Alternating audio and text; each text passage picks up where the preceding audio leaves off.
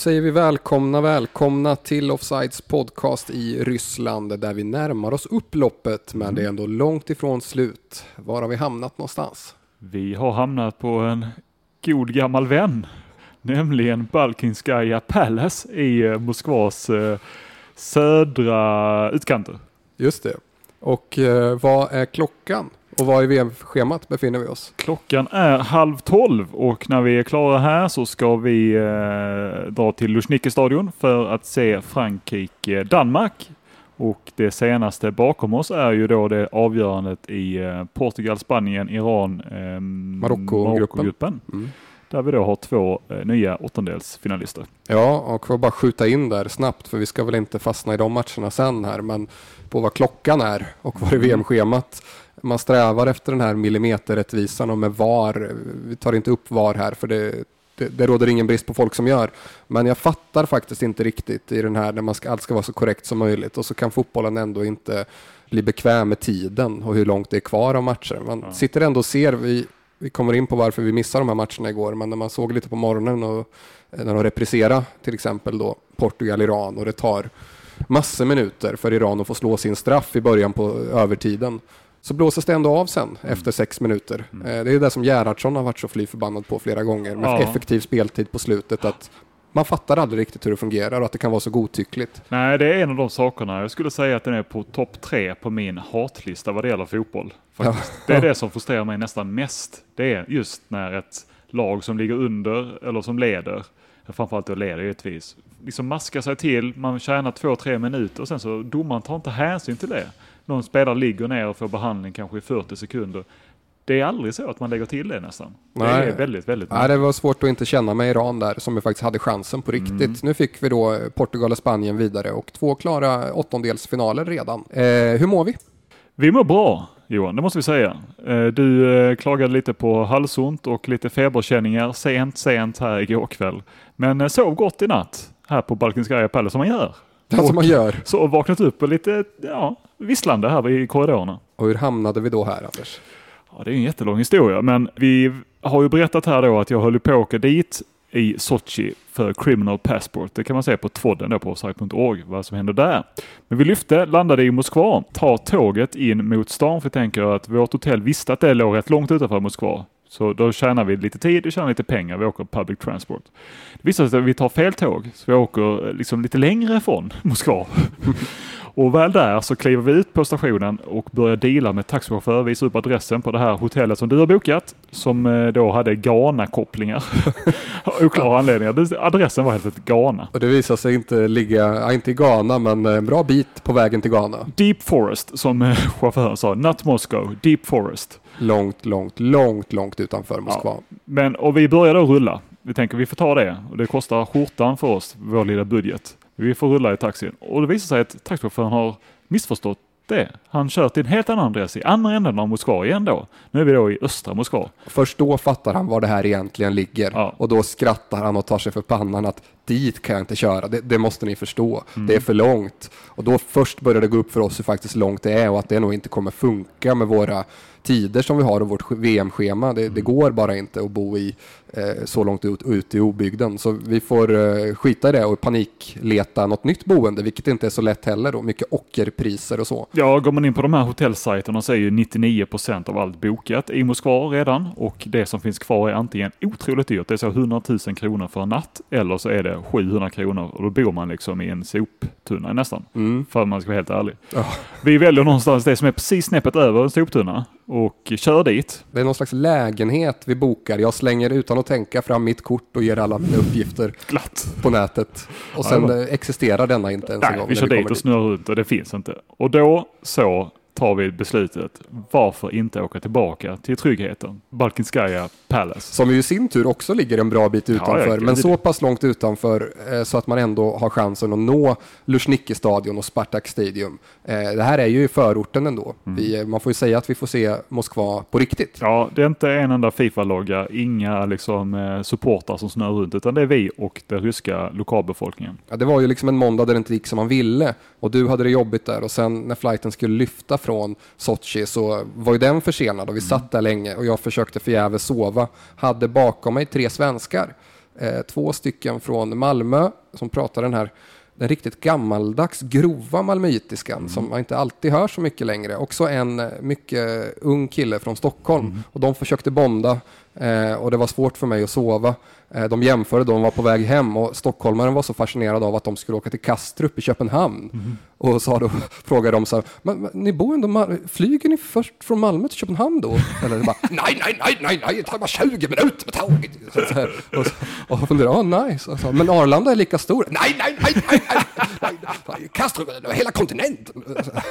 Och sen gick de igenom hela Puttgartens sortiment i 20 minuter. Allt man kunde köpa där och hur mycket man tjänade på att köpa öl och sprit där. Eh, så det började redan där och sen fortsatte det. Men när vi väl kom hit eh, så ska vi inte klaga. För vi känner oss trygga här på Balkerskaja Palace. Och nu har vi fina matcher idag. Absolut, så är det. Har vi sett några Fifa Legends? Av naturliga anledningar så hann vi inte se så mycket fotboll som vi ville igår och därmed faktiskt inga nya Fifa Legends mm. heller. Men kom ihåg vad vi har sagt, vårt avslöjande om att Kenneth Andersson är Fifa Legend i Jekaterinburg när vi möter Mexiko i morgon kväll då. Just det. Och vad gör granen just nu? Ja, i dubbel bemärkelse så går väl granen i väntans tider.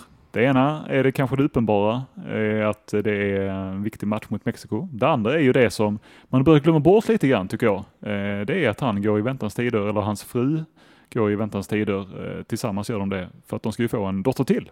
Vilken dag som. Just det. Och vad vi vet så eh, har det inte blivit födsel än. Mm. Men ja, lurigt läge om det verkligen skulle bränna till nu och eh, det kommer rapporter från Sverige att nu är det dags, mm. granen. Mm. Eh, ena handen har man då eh, potentiell hjälteroll och eh, föra Sverige till en åttondelsfinal och evig, evig kärlek från supportrar. Och i andra handen har man kanske årets pappa. Titeln som hägrar. Omslagsknäcket. Ja, det där är ju faktiskt lurigt. Ja. Det är lätt att säga och vi skulle nog kunna sitta och man kan inte missa sitt barns födsel. Eh, det måste vara viktigare än fotboll. Det är det ju såklart. Mm. Det är inte så enkelt heller. Nej. Han är lagkapten och... Ja, ja, han är också Andreas Granqvist med allt vad det är inne. Alltså han har ju så otroligt starka känslor för det och han har säkert tar för givet ännu starkare känslor för sin familj och så givetvis. Ja, såklart. Det är inte så enkelt som jag säger att vissa har Nej, gjort som man själv kan tänka ibland. Ja, också. precis. Jag vet inte själv vad man skulle gjort liksom. Ja, skulle man? Ja, jag vet inte fan faktiskt. För att vara helt ärlig alltså. Man har också det vi säger om ska man ju tänka på när det gäller att fokusera inför hans största match i, i karriären. Mm. Eh, vi får väl se om det hinner hända någonting innan avsparken där. Offsides VM-resa som eh, vi har hållit på med ett bra tag nu, den gör vi som ni vet i samarbete med Dr. Ötker och deras pizza Rustica som tar en kvart i ugnen, precis lagom för att hinna med en halvtidspaus under en VM-match. Och det hinner ju hända en del i halvtidspauser ibland, bland annat i Ruhrderbyt mellan Dortmund och Schalke 04 föregående säsong. Hemmalaget Dortmund körde över rivalen i första halvlek. Det stod 4-0 efter 25 minuter och flera Schalke-supportrar började lämna arenan redan. Schalke-tränaren Tedesco samlade sina stukade spelare i en ring, försökte övertyga laget om att det här fortfarande var möjligt. Gör vi bara ett mål kommer Dortmund att bli svajiga, sa han. Och han fick rätt. I den 60 minuten så påbörjades upphämtningen och i den fjärde tilläggsminuten så satte mittbacken Naldo 4-4 och så blev det då delad poäng istället. Vi säger tack till Dr. Röttger. Ja, eh, innan vi eh, verkligen sparkar igång här Johan med dagens avsnitt så är det kanske på sin plats att jag gör en liten rättelse om mig själv från gårdagens avsnitt när vi pratade om Sala. Så det har varit ja, en handfull som hört av sig och undrat. Var det igår? Det känns som ja, så himla länge sedan. Ja, så allting känns som länge sedan. Eh, där jag pratade om Sala och vi pratade om då med Kadyrov och Tjetjenien och vad som hände med Egyptens fotbollsförbund och eh, politiska läget i Egypten och så. Och där jag också i förbifarten nämnde att vi har ju tidigare sett då att Salah har visat upp tendenser av ja, politisk medvetenhet eh, där han då eh, vägrade ta israeler i hand eh, vid något tillfälle. Och vissa har undrat, är jag en som eh, tycker att det var bra att han vägrade ta de här israelerna i hand? Absolut inte. Det är inte så att jag tycker det, men däremot det jag ville ha sagt var att det finns ju spår i Sala som ändå antyder att han har lite koll på omvärlden och att han har lite egna politiska inställningar. Därför så ska man kanske se det i ljuset av det som har hänt nu med Kadyrov. Så, så att absolut inte så att du, jag... Du tyckte inte att det var rätt att han inte tog Israel an? Nej. Så du är pro-Israel? Lägg det locket Det är kul om vi kan komma med en ny förtydligande ja. varje podd. Ja, det kanske får bli en sån liten tråd nu. Ja, men bra. så att folk fattar det. Det är absolut inte så att jag uppmuntrar folk att, att göra sådär, inte ta folk i hand. Det är inte det det handlar om. Nej, bra. Du, tre miljoner var det som såg Sverige-Tyskland-matchen, denna händelserika match som gick i TV4.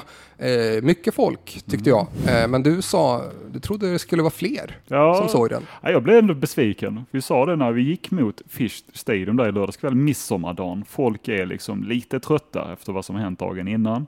Det är en lördag, sen kväll, det är Tyskland och det är en liksom kanonmatch faktiskt. Jag räknar med Upp mot minst, fyra. ja, skulle nästan vilja säga att jag räknar med 50 procent av den svenska befolkningen.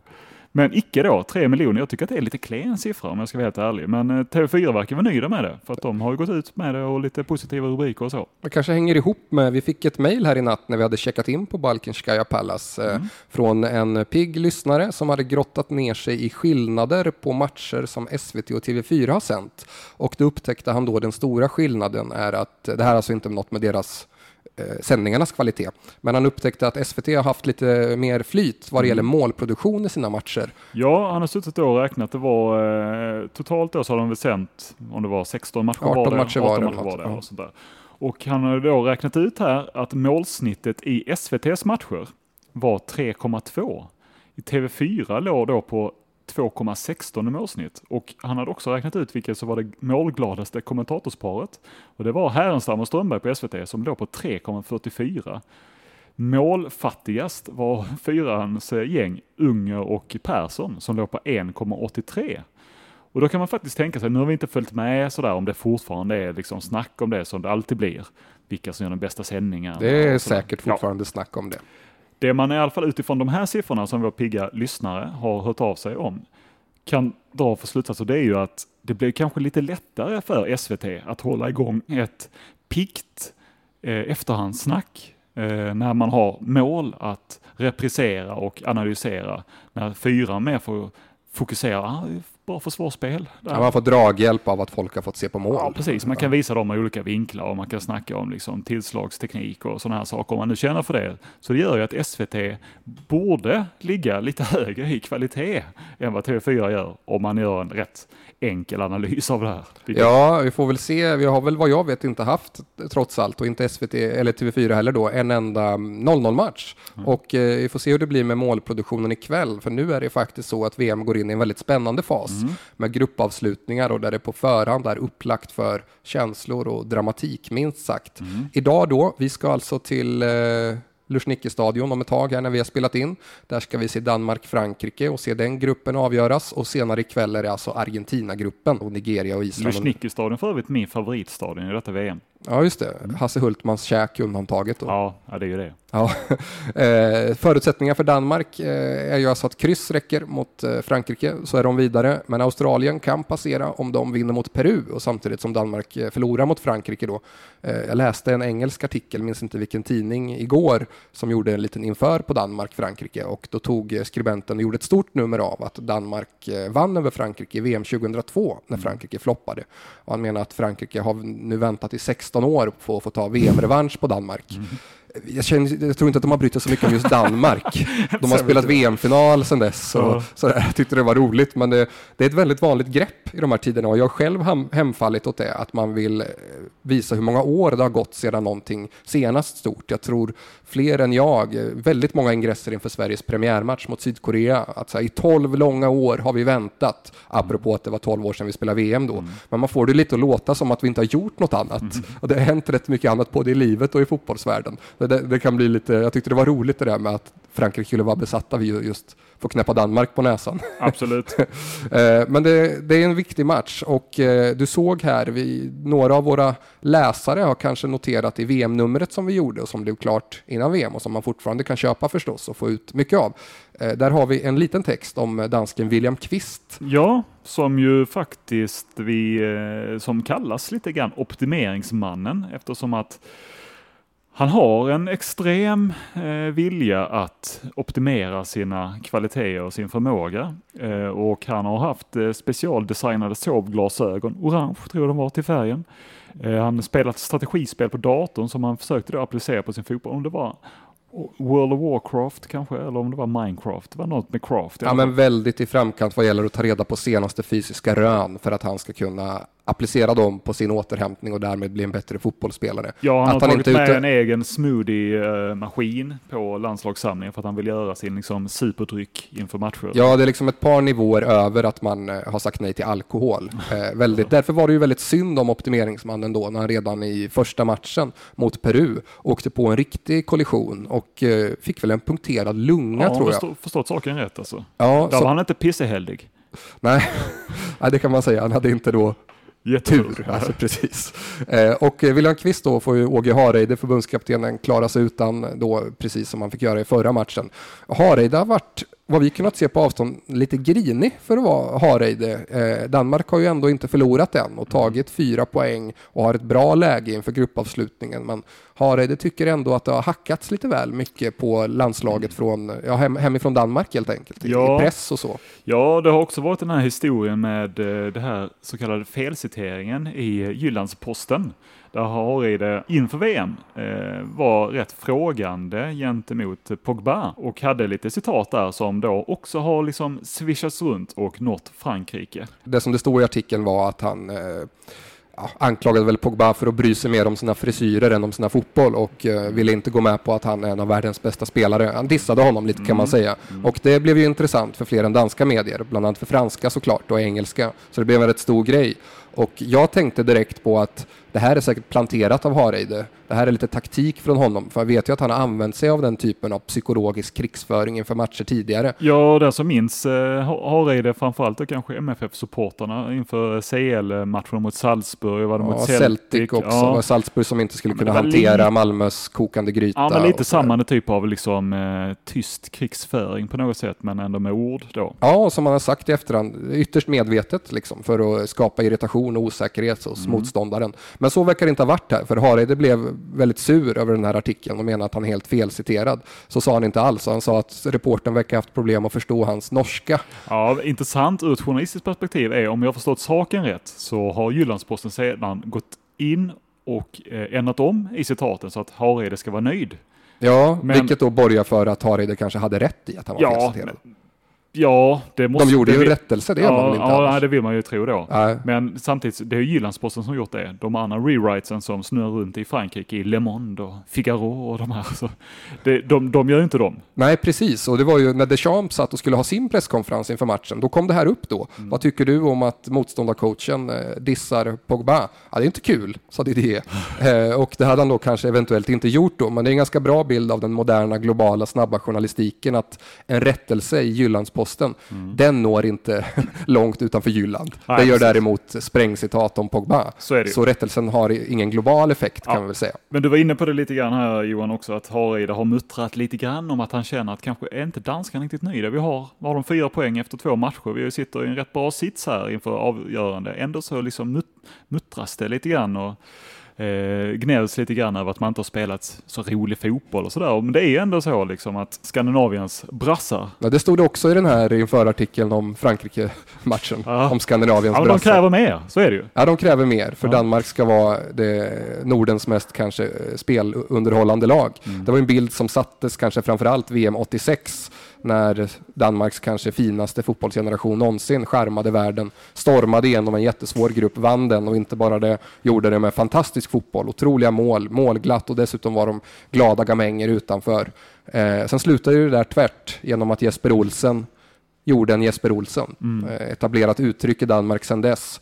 Eh, alltså att man eh, sjabblar ordentligt i ett avgörande läge. Jesper eh, slog en passning rakt i gapet i Butragenio och sen föll Danmark ihop. Mm. Så vi håller väl tummarna för att Christian Eriksen eller Lasse Schöne eller Poulsen, ingen av dem gör en Jesper Olsen ikväll och att de går vidare helt enkelt. Den som vill läsa mer om Danmarks bravader i VM eh, Mexiko 86 rekommenderas eh, boken Tynnlyft Just det, av Joakim Jakobsen. Joakim Jakobsen Mm. som är en väldigt bra reportagebok som eh, verkligen berättar hela historien där och eh, lite grann också vad som hände efter de här spelarnas eh, karriär och så. Jättefin bok. Don't cry for me, Argentina. The truth is, I never.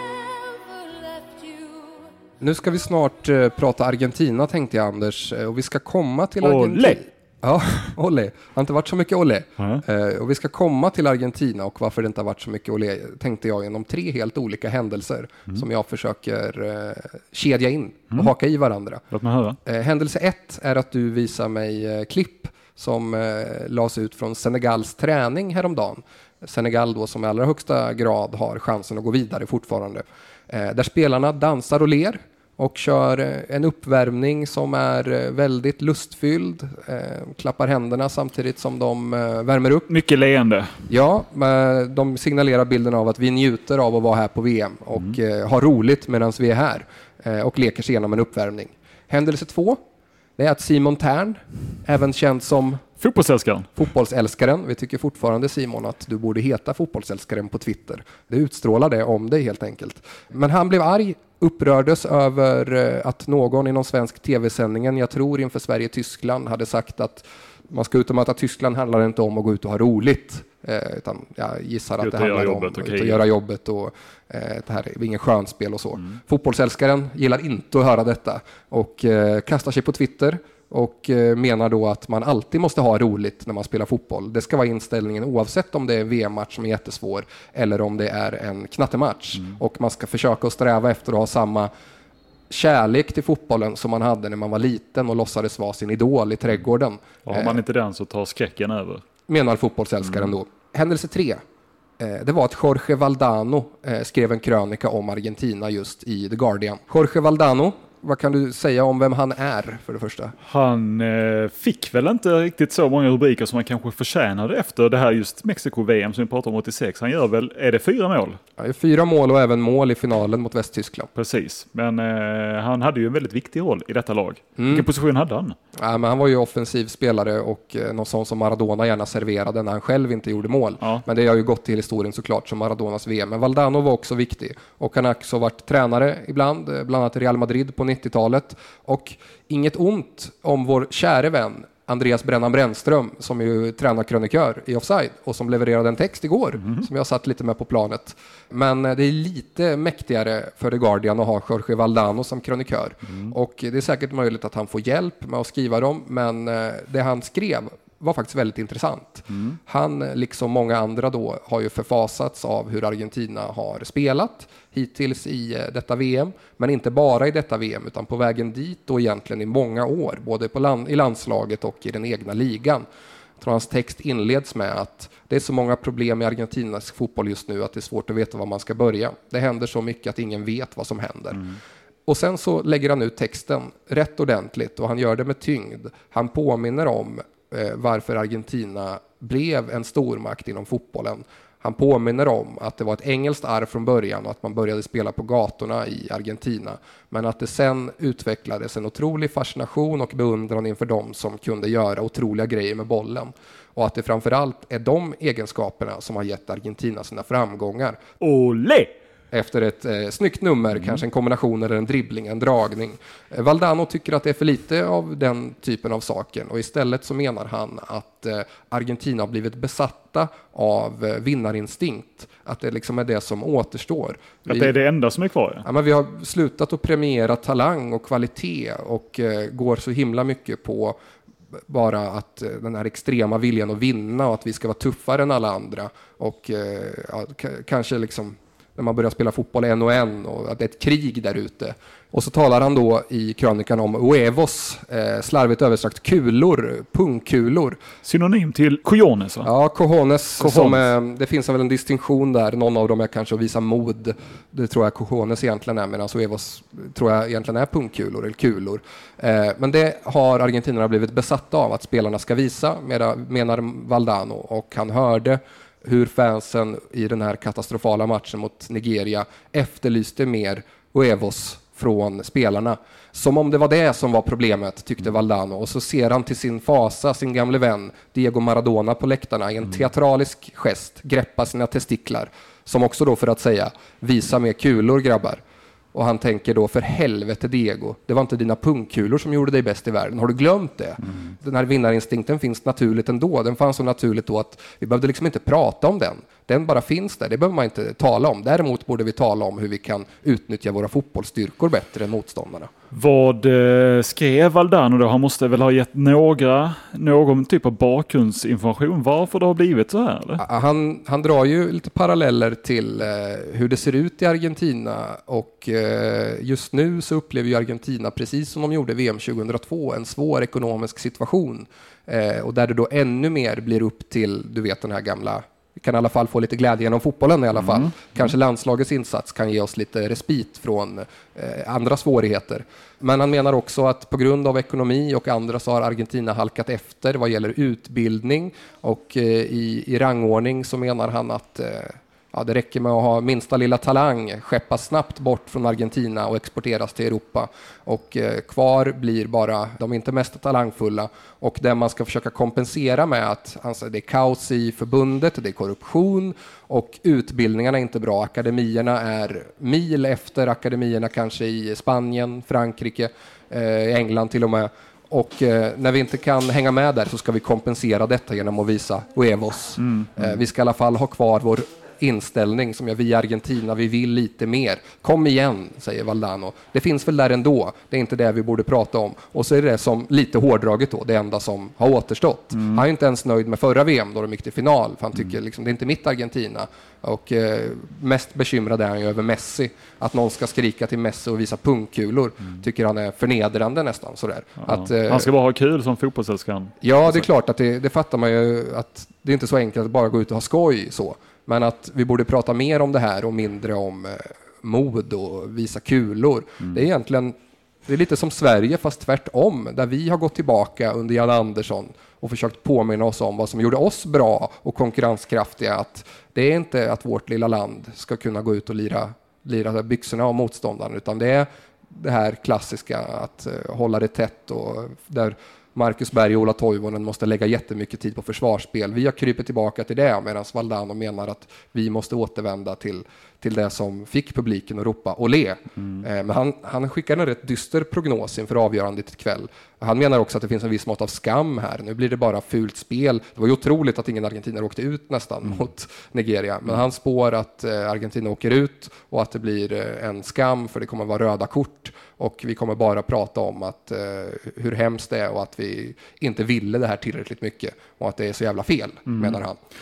Det har kommit en hel del vittnesmål sedan Daniel Ekvall klev in i svenska landslaget, eh, då när Janne tog över, eh, som också då har jobbat i Norrköping, den psykologiska rådgivaren. Jag tänker sådär, vad det gäller då Messi, vi har ju pratat om honom några gånger här under eh, våra dagar i Ryssland, just hur han ser ut och vad han utstrålar och hans prestationer och sådär. Det känns som att Messi, när man vet staben runt Messi, det borde ju finnas liksom otroliga förutsättningar för honom och de runt omkring honom att inse att vi måste ju liksom på något sätt hitta en lösning här Messi. Du har kvar en match, du kan rädda det här.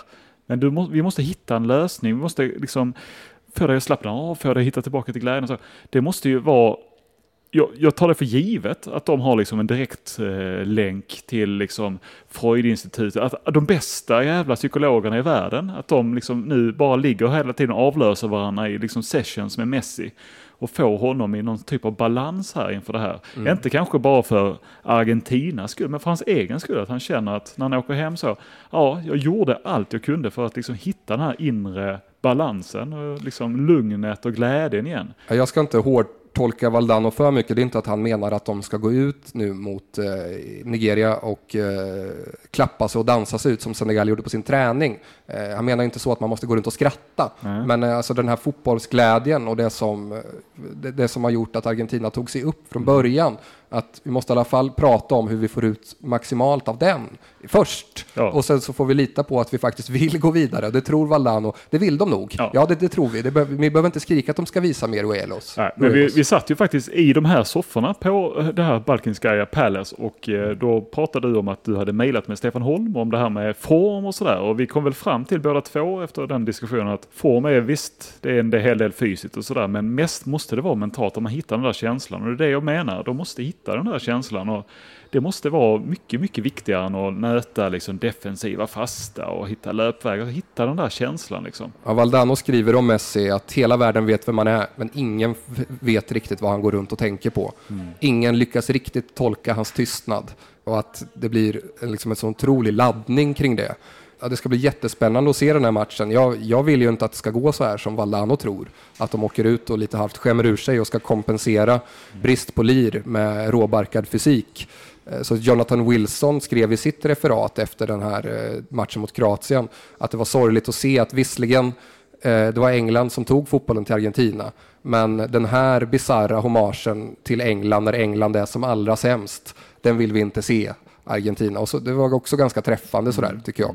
Ska vi prata något om vad som kommer hända för oss efter att eh, förhoppningsvis det inte har varit ah, bara Uevos från Argentina? Ja, just det. Vi har ju senaste, ja, egentligen i princip sen efter det sena Tysklandsmålet mot Sverige i Aller gått här och lurat på hur vi ska lösa de sista dagarna. Eh, Med tanke på att vi inte hade någon bokad resa till eh, Jekaterinburg och Mexikomatchen. Vi hade inga flyg bokade. Vi hade de här Ghana-hotellen bokat i Moskva och sådär. Och vi började kika på resor Och en övertrasserad budget. och en övertrasserad budget. Eh, hitta resor till Jekaterinburg. De här resorna går du och Daniel igång på. Jag är mer skeptisk. Ja. Detta innebär alltså att man flyger, det är ungefär, i princip man kan säga att det är 48 timmar som är resa, match, resa hem och sen resa direkt därifrån Moskva hem. Det är två torskade nätter. Det är två torskade nätter och det hade jag kunnat köpa. Mitt problem är att mina nerver klarar inte av det här. alltså. Dina nerver kan inte köpa upp Ja, längre. det är så alltså. Jag klarar inte av det för att jag är ju en tidspessimist av Guds nåde och vill alltid vara på flygplatser alldeles för lång tid innan flygen ska eh, lyfta. Och det fanns inte liksom marginal till det här. Ett litet missöde på väg hem från Jekaterinburg, där det ändå är en mellanlandning och sådär. Hade ställt till det för mycket för mig. Alltså jag hade inte klarat av, jag hade inte kunnat njuta av matchen. Jag hade inte kunnat göra, prestera någonting i varken podd eller tvådd eller i bloggform. Så att jag stannar i Moskva. Ja, planen och även min plan från början var ju att avsluta här i Moskva, gå på Danmark, Frankrike och sen avsluta med Brasilien, Serbien imorgon, Mm. som vi spelar samma dag då som Sveriges match. Eh, för vi visste ju inte riktigt vilket läge vi skulle vara i tredje matchen. Sverige kanske redan skulle vara ute, eller b- överraskande nog klara redan. Eh, och det var dyrt och så. Och jag trodde inte att det skulle kännas så viktigt för mig att avsluta där. Men jag har lite dragits med, känner jag, i hela det här med Durmas och eh, efterspelet som har varit efter Tyskland. Sättet de tog sig an Tyskland på och inte fick någonting där. Att jag känner att jag ville vara med till the bitter end. Så nu blir det så. Att, Ja, vi, det- att ja. vi splittar på oss. Ja, det handlar inte om vilja. Nej. det vill jag också. Jag vill verkligen vara där. Alltså det, jag, menar, jag berättade väl efter Tysklandsmatchen där att jag skulle skriva en blixtkrönika, men jag var ju så jävla låst och så jävla tagen av det som hade hänt där. Så att jag fick inte ur. Så att det betyder väl någonting hur mycket jag känner för det här, men jag kan inte kompromissa med mina egna nerver. Det går inte. Jag vet vad det hur det slutar. Det är inte bra för någon. Alltså. Ja, nu får du ju en fin match ändå till avslutning i eh, Brasilien-Serbien. Det, är det kan ju bli jättespännande Mm. också, för Serbien har ju chansen att och, eh, vinna och gå vidare i den matchen. Brasilien är Mm. Absolut. inte klara. Eh, och du har fått biljett där till slut. Efter, att- det finns ett system som Fifa har där man ansöker om biljetter. Antingen är man approved, denied eller pending. Pending är då där man avvaktar och du har varit pending väldigt länge på Brasilien, Serbien. Men nu är du approved, Mm. Ja. så du har den biljetten. Men sen slängde du upp här igår när vi körde runt i Moskva med den här taxichauffören i flera timmar så såg du plötsligt en skylt som visar att det är också en Nick Cave-konsert här i Moskva imorgon. Att du kanske skulle gå på den. Pending. Pending. Ansöka. Nej, du kommer nog gå på den. Och vi eh, kommer alltså eh, ta ett eh, dygn ifrån varann Mm. och sammanstråla igen sen på flygplatsen när vi ska åka hem. Det kanske kan göra något för dynamiken, vem vet? Mm. Vem Men vet? vi kommer alltså för första gången ha två utsända på varsin match. Så är det verkligen. Och eh, då förstår väl en hel del lyssnare här att det börjar ju dra sig mot sitt slut här, det här VM-resan. Vi flyger hem till Sverige på torsdag.